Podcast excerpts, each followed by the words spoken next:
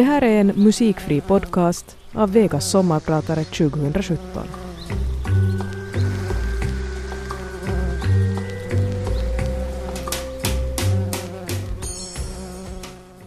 När jag var barn måste det ha varit så att jag lärde mig att förstå mig på klockan och på att skriva siffror och bokstäver ungefär samtidigt. För en av de första skriftliga beskrivningarna av verkligheten kommer jag ihåg att jag har gjort när jag satt i vårt köksfönster och skrev upp hur bussarna mellan Tammerfors och Nokia körde förbi. Och alltså gjorde en tidtabell. Jag har varit fascinerad av tidtabeller sedan dess och via dem så har jag lärt mig grunderna i geografi och om världen i stort. Och det har jag tänkt prata om lite idag. Om människor som jag har läst om och lite om resor som jag har gjort.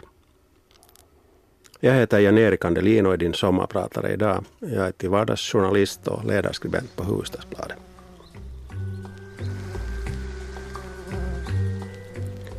Jag har en bild i huvudet som jag misstänker att jag har photoshoppat ihop av olika minnen och andra foton som i sin tur finns på riktigt. Det är 1966 eller 1967 och på ett stort, stort fält vajar ett torrt och kortklippt gräs i vinden. Och jag vet inte och minns inte om det var vår eller höst. Och en grov kätting hänger på några låga stolpar och skiljer oss från den dåvarande startbanan på Tammerfors gamla flygplats Härmälä. Och på en sned skylt så står det vid vite förbjudet att gå in på banan. Den här flygplatsen finns inte längre, den har flyttat till ett bättre ställe och den gamla flygterminalen sägs idag stå mitt i en förort vid en gata och vara en klubblokal för en fallskärmshopparklubb. Men på den här bilden som förmodligen alltså inte finns så står min mamma, min lilla syster och jag och ut med banan så har Aeros Convair eller Metropolitan som det här plantypen också kallades, ett blått och silverfärgat plan, just rusa och dundrar fram längs banan och försvinner nu lågt mot blåa regnmoln med min pappa ombord. Det fanns länge en tvärlinje i Finland från Åbo via Tammerfors till Jyväskylä, Kuopio och Joensuu och där fanns de stora pappersbruken och det var dit min pappa reste i jobbet.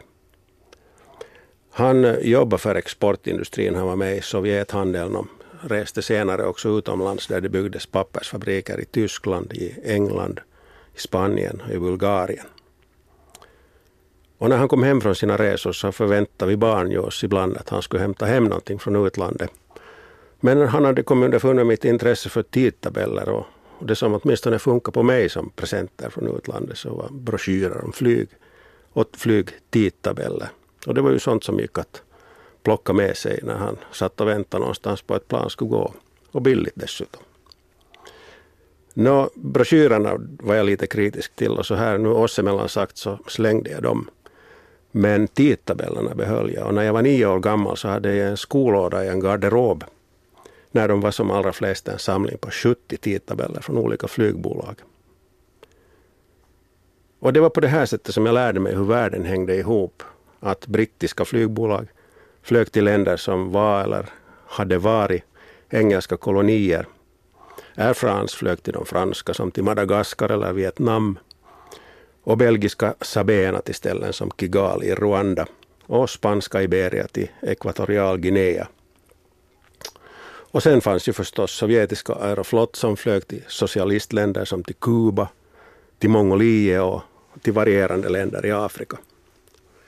Och på det här sättet så lärde jag mig världens huvudstäder och jag lärde mig också avstånden över världens oceaner enligt hur planen behövde mellanlanda för att klara sig ända fram.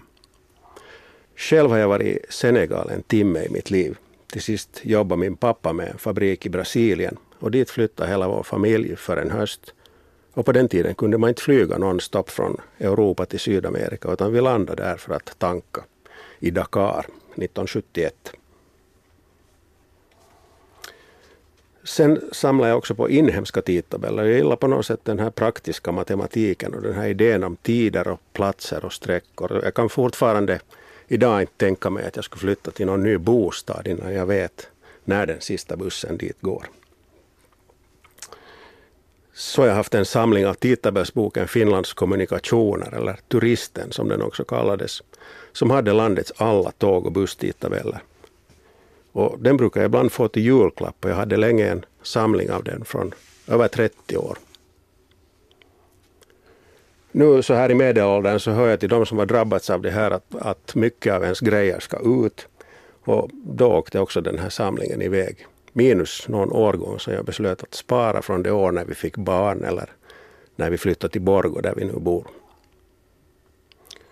När jag, jag la ut hela samlingen på nätet och på en auktion och satt ett lågt startpris och en lång auktionstid så att priset skulle hinna ta sig. Jag satte utropspriset till 5 cent för att locka folk att bjuda. Och när tre veckor hade gått så visade det sig att jag minsann inte var ensam om den här hobbyn där ute. Jag hade fått ett anbud och jag sålde hela samlingen för, tro det eller inte, 5 cent. I Europa har de flesta av oss rest så mycket att det ofta nog är svårt att säga vad som skulle vara det viktigaste minne från den här kontinenten. Men jag tror att det för min del är från Vilnius vintern 1989. Tillsammans med en kollega från Yle hade vi rest med våra Nagra bandspelare med nattåget från Riga till Vilnius. Ett klassiskt sovjetiskt expresståg med vedkaminer och tepannor och tågvärdinnor och personal fanns det väldigt mycket på det här tåget. Vodkaflaskor hade folk under dynorna och fönstren var immiga och vi stod länge på sovjetiska bangårdar och vänta. På morgonen kom vi fram till Vilnius och det var smällkallt och klart. Och på den tiden var det väldigt kontrollerat att jobba som journalist i hela östblocket. Och nästan överallt skulle man ha en överrock, en representant från myndigheterna med sig. Och i Vilnius så stod hon på perrongen och väntade på oss. En pigg tjej i någon slags tjänsteuniform med en liten uniformspillerhatt på huvudet. Och när vi träffade henne så kunde hon knappt stå stilla för att hon var så yes över någonting. Och med så låg röst hon kunde säga där på perrongen så viskade hon ivrigt. Vi upphävde Sovjets grundlag i natt. Och det hade hänt. Sovjetstaternas egna parlament hävde för sin egen del paragraf 6 i den sovjetiska grundlagen som då stadgade att den stod över lokala lagar i delstaterna, delrepublikerna. Och så började vågen mot självständighet i Baltikum. Men så stramade vår kontaktperson upp sig där på perrongen och gjorde Givakto en liten honör och så började vi jobba. Inne i Vilnius hade oppositionsfronten Sajudis sitt kontor i en källarvåning vid Gediminas-torget. Och där rådde revolutionär stämning med unga ivriga människor och i något hörn satt någon lite äldre person i läderjacka, ungefär lite sådär som Lenin och skissa på uttalanden och dokument. Nå, vad händer sen, frågar jag, när den här revolutionen är över? Det frågar jag av en, med min mikrofon av en rödkindad svettig flicka i lång kjol och stickad mormors tröja. Nå, det kommer ständigt nya medborgarfronter, sa hon. Det här upphör aldrig. Nå, idag undrar jag var de här människorna finns nu. De jobbar kanske i Bryssel eller som griniga universitetslärare någonstans. Eller så de kanske sitt halva sin släkt utvandrat till England som det gick när kapitalismen kom och arbetslösheten senare slog in. Men en gång i mitt liv har jag alltså varit med om ett revolutionärt läge och en iver som unga människor hade och som kanske där i kansliets vinklar och vrår nästan kändes som ren och skär, het erotik. Vilket det väl kanske också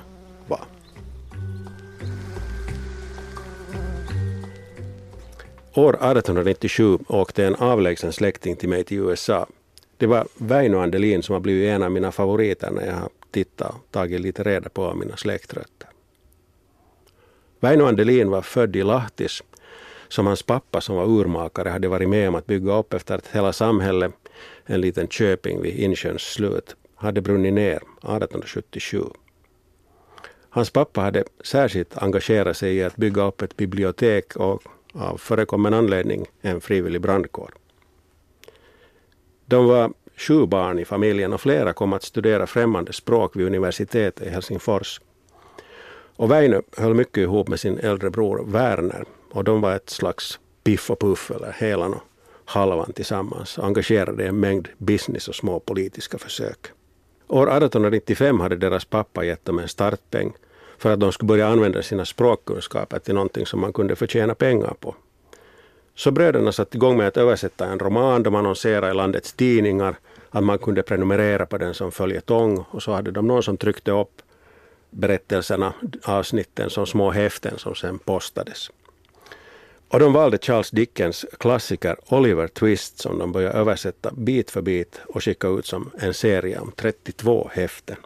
Och allt gick bra ända tills de kom till del 28. För då var boken slut. Men skam den företagare som ger sig och inte levererar, så de skrev själv fyra häften till, helt ur eget huvud. Väinö Andelin var inte länge i USA. Han vistades bland finska emigranter i Minnesota, Oregon och Kalifornien. Så blev han sjuk och var tvungen att komma hem igen. Men han hade hunnit lära sig någonting och det var amerikansk journalistik som var någonting helt annat än Topelius journalistik här hemma. Frän och fräck samhällskritik som han utövade senare när han var chefredaktör på två tidningar. På Hämeen att i Tavastehus, och det här var under de tidiga förryskningsåren, så kom han i strid med andra tidningar på orten och blev också utpekad och därefter attackerad av den ryska censuren. Den personifierades på orten av finlandssvensken Otto Collin som förutom att han var expert på ugglor också censurerade ortens tidningar. Men om det var någonting som Väinö Andelin hade lärt sig i Amerika så var det principen see you in court. Vi ses i rätten så han utmanade Collin till råstuvrätten i Tavastehus. Den här rättegången blev däremot kort för det visade sig snabbt att Väinö Andelin bara var 20 år gammal och alltså inte på den tiden myndig att representera varken sig själv eller sin tidning. Men det stora och viktiga som Väinö och Werner gjorde var att de översatte en väldig mängd litteratur. Deras pappa hade dött vid det laget och som man gjorde på den tiden tog de år 1905 finska efternamn Hämeen Anttila och Anttila. Men det är alltså mina förfäder och deras familjer som har översatt en stor del av den tidens populärlitteratur, den lätta litteraturen till finska. Alexandre Dumas, De tre musketörerna, Jules Verne, Mark Twain, Onkel Toms stuga, Arsène Lupin-berättelserna, Robinson Crusoe, Djungelboken, Skriet från vildmarken, Tarzan. Och hela släkten översatte, fruar, kusiner, barn och till och med Väinö Hämeen Anttilas fru som han hade träffat i USA men skilt sig från när hon togs in på mentalsjukhus. Också hon satt på sin avdelning och översatte och översatte. Det var också de som hämtade hit upptäcktsresande litteraturen. Om resor bland det som på den tiden kallades mongoler, hottentotter och indianer. Böcker av Sven Hedin, Ernst Hemingway, Karl May och Karen Blixen. Och på det här sättet kom stora värden till Finland. Och det kanske förtjänar att berättas just i år när Finland fyller 100.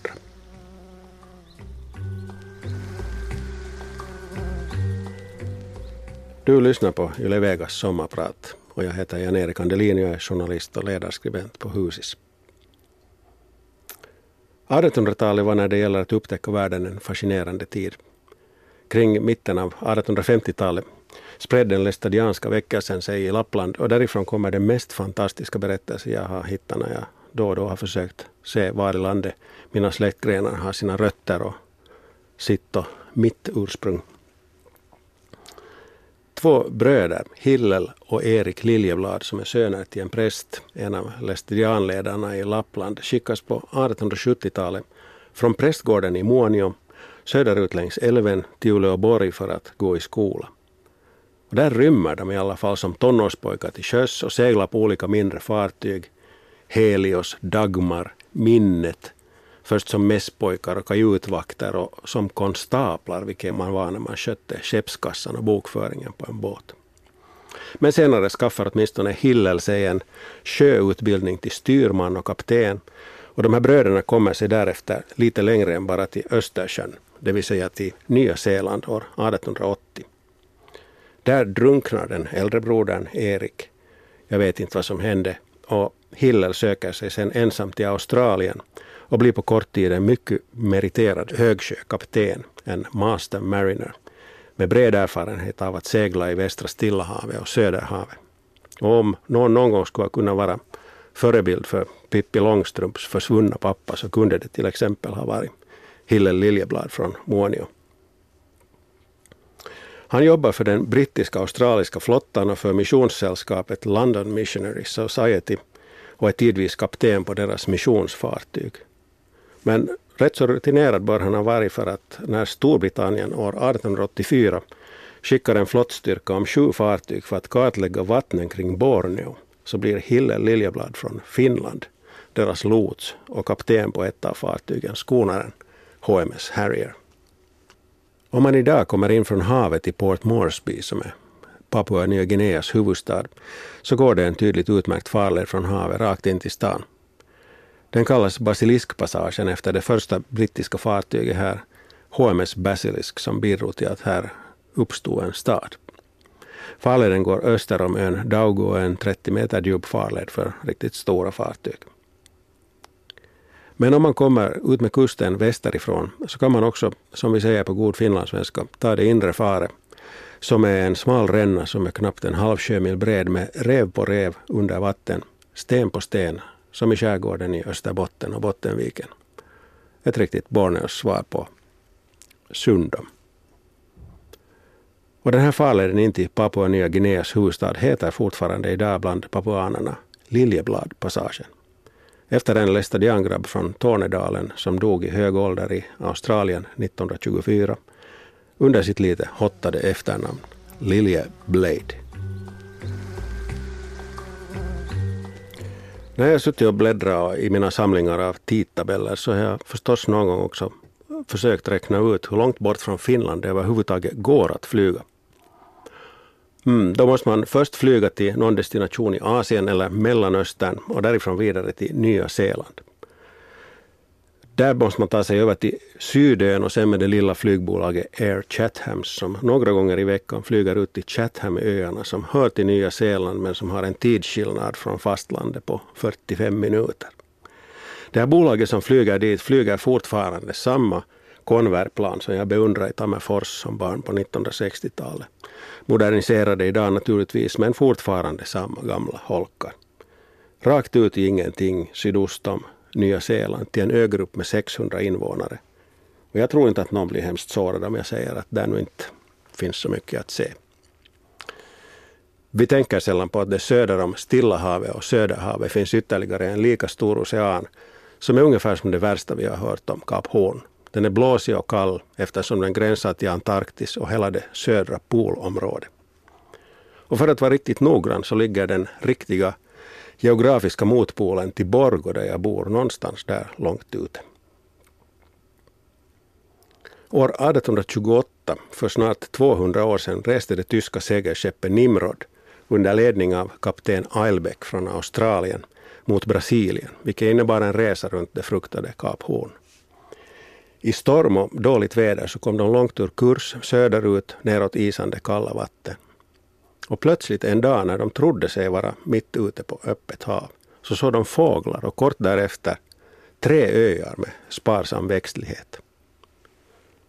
Eftersom de här öarna inte fanns på några sjökort så fick de namn efter båten och hette sedan länge, i synnerhet i tyska kartböcker, Nimrodöarna.